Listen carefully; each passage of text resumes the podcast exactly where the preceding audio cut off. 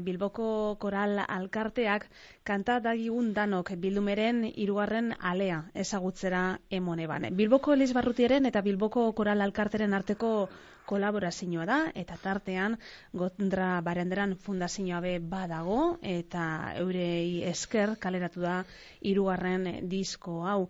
Inigo Alberdi Bilboko Koral Alkarteko gerendea, egunon. Eguno, nahi noa. Eta gure estudietan daukagu, Jesus eh, Jarena abatea, Bilboko Eleizbarrutiko liturgia arduraduna. Jesus, zuri be egunon eta ondo torri estudiotara. Eguno, mi esker. Bueno, konta iguzu, Jesus, eh, noiz ditator eh, Bilboko Eleizbarrutiaren eta Bilboko Koral Alkarteren arteko alkarlana.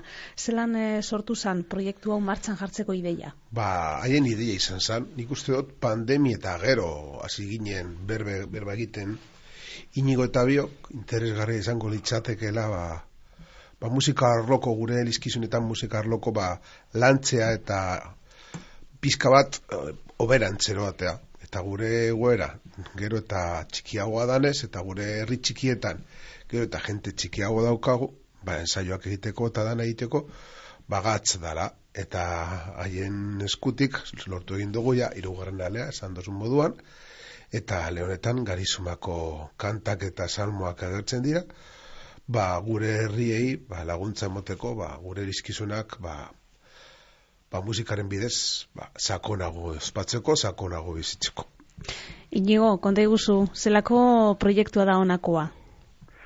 Ba ikusi, guretzat da egunerok eitzen daun e, gauzetatik oso desberdina. Gu normalian, ba, kantatzen dugu koruko musika, ba, laua botzetara, eta orkestiakin, eta organuekin, eta pianuekin, eta kasu honetan egiten, egiten duguna da, ba, bueno, gure e, urte, urte sasoi desberdinetako, edo ziklo liturgikoetako, abesti e, ezagunenak, bai euskeraz eta bai erderaz, grabatu, Eta bueno, guretako be, e, musikalki beti be erronka da da. Ze guk esan dute moduan oitxuta gare, ba, lau agotzetara kantatzen, eta hemen beti da, danak melodisa berdina, ez da, agot batetara.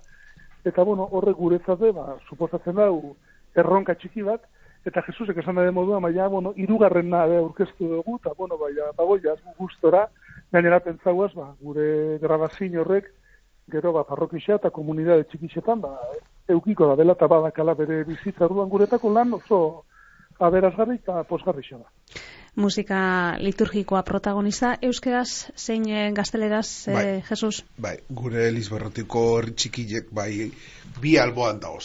Bai, karrantzaldean edo soportaldean, bai gure gernikaldean dean edo leharti baitik edo mungialdetik, barri txiki asko daukaguz eta lehen egon ziren kantariak, bai, ja orain ez daoz eta mobilaren bidez, Spotify be egongo da, e, e, entzun dezakegu abestilek, eta naiz eta igual oso trebetasunak ez izan, nire modun, ba, lortzen dugu, ba, anistasun gehiago bat.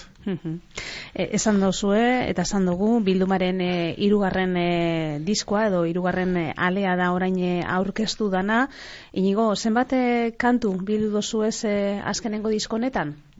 Ba ikusi, buruz esango zut, hainoa, baina esango neuke, bueno, e, ez, ikusi, ondo esango zut, zenbak izia, guztira berrogeta mairu.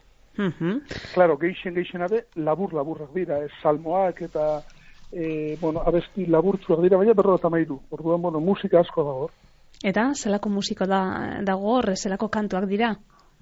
Bueno, ba, geixen, geixenak ezagunak, eta eta esango neuketanak ba musika ederra ondo ondo pentsautako musika oso melodisa ba ba egokixak ba garai hortarako ez ba grabau duguna izan da garizuma. Ba garizuma giroko musika baina oso ondo indako musika eta oso liturgiarako pentsatutako musika. Jesusek esan da moduan ezta ba ba sakontasunez bizitzeko eta eta pizkat ba bueno ba misterioan be hartzeko eta ta e, ospakizun liturgikoan sartzeko musika oso gokisa. E, aurreko diskoakaz e, gertatu zen moduan, oingoan be grabazioa Deustuko Unibertsiadeko kapera gotikoan e, eginda, inigo zelako tokia da hori, olako musika grabazio bat egiteko? Ba ikusi, oso egokisa, ze kapila dakana da tamainua e, egokisa ez da undi egisa, baina ez da txiki egisa, eta gero daka organo oso poli bat, eta hor dago deustoko unibertsitateekin, ba, harreman ondisa dakau, eta, ba, bueno, beti ipintzen dazku errestasunanak, eta uste dugu, ba, leku egokixena dela. Eta gainera, bueno, ja, zeuk esan duzu modan inoa, ja, iru disko hor grabau ditugu, eta, bueno, datozenak be, ba, be, prinsipioz beste iru, bertan grabauko ditugu, bat ikustot oso, bueno, koherentea dela, ez da, dana leku berdin Eta, zelan eh, joan zan eh, grabazioa? Ba, ondo, e, guk e, bota gendu zen lau bat egunero, atzaldez, klaro, guk kontutan uki geure guk oralean beti ensaioak eta atzaldez itxen dugula, eta lau egun izan ziren tekniko, teknikoakin, eta bueno, abesti bakoitza, ba, errepikatu, hiru lau aldiz, kafe, kontutan ukitza, berro eta mairu abesti dirala, ba, bueno, ba, lan, e, or, bueno, lan, lan intentsua dago, ez?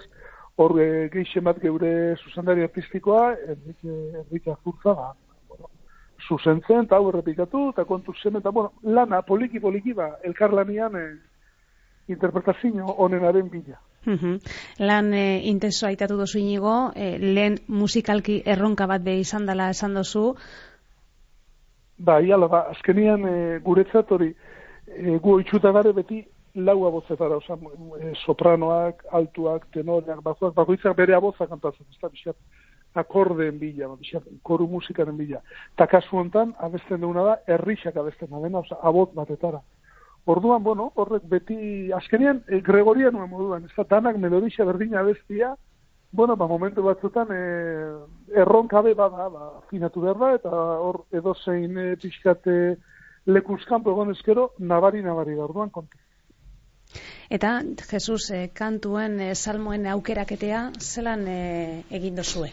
Ba, normalean, salmoen aukeratak eta ez da oso saia, behitu. Salmoa da lehenengo irakurgaiarako erantzuna.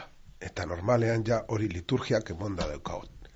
Eta haiek aukeratu dabe musikie, baina txatala dinote letrie, da dagoana. Mhm. Haiek musikaren bidez, ba, lotu egin dabe egiteko erantzuna. Askotan, urtean zehar askotan, ba, salmo batzuk errepikaten dire.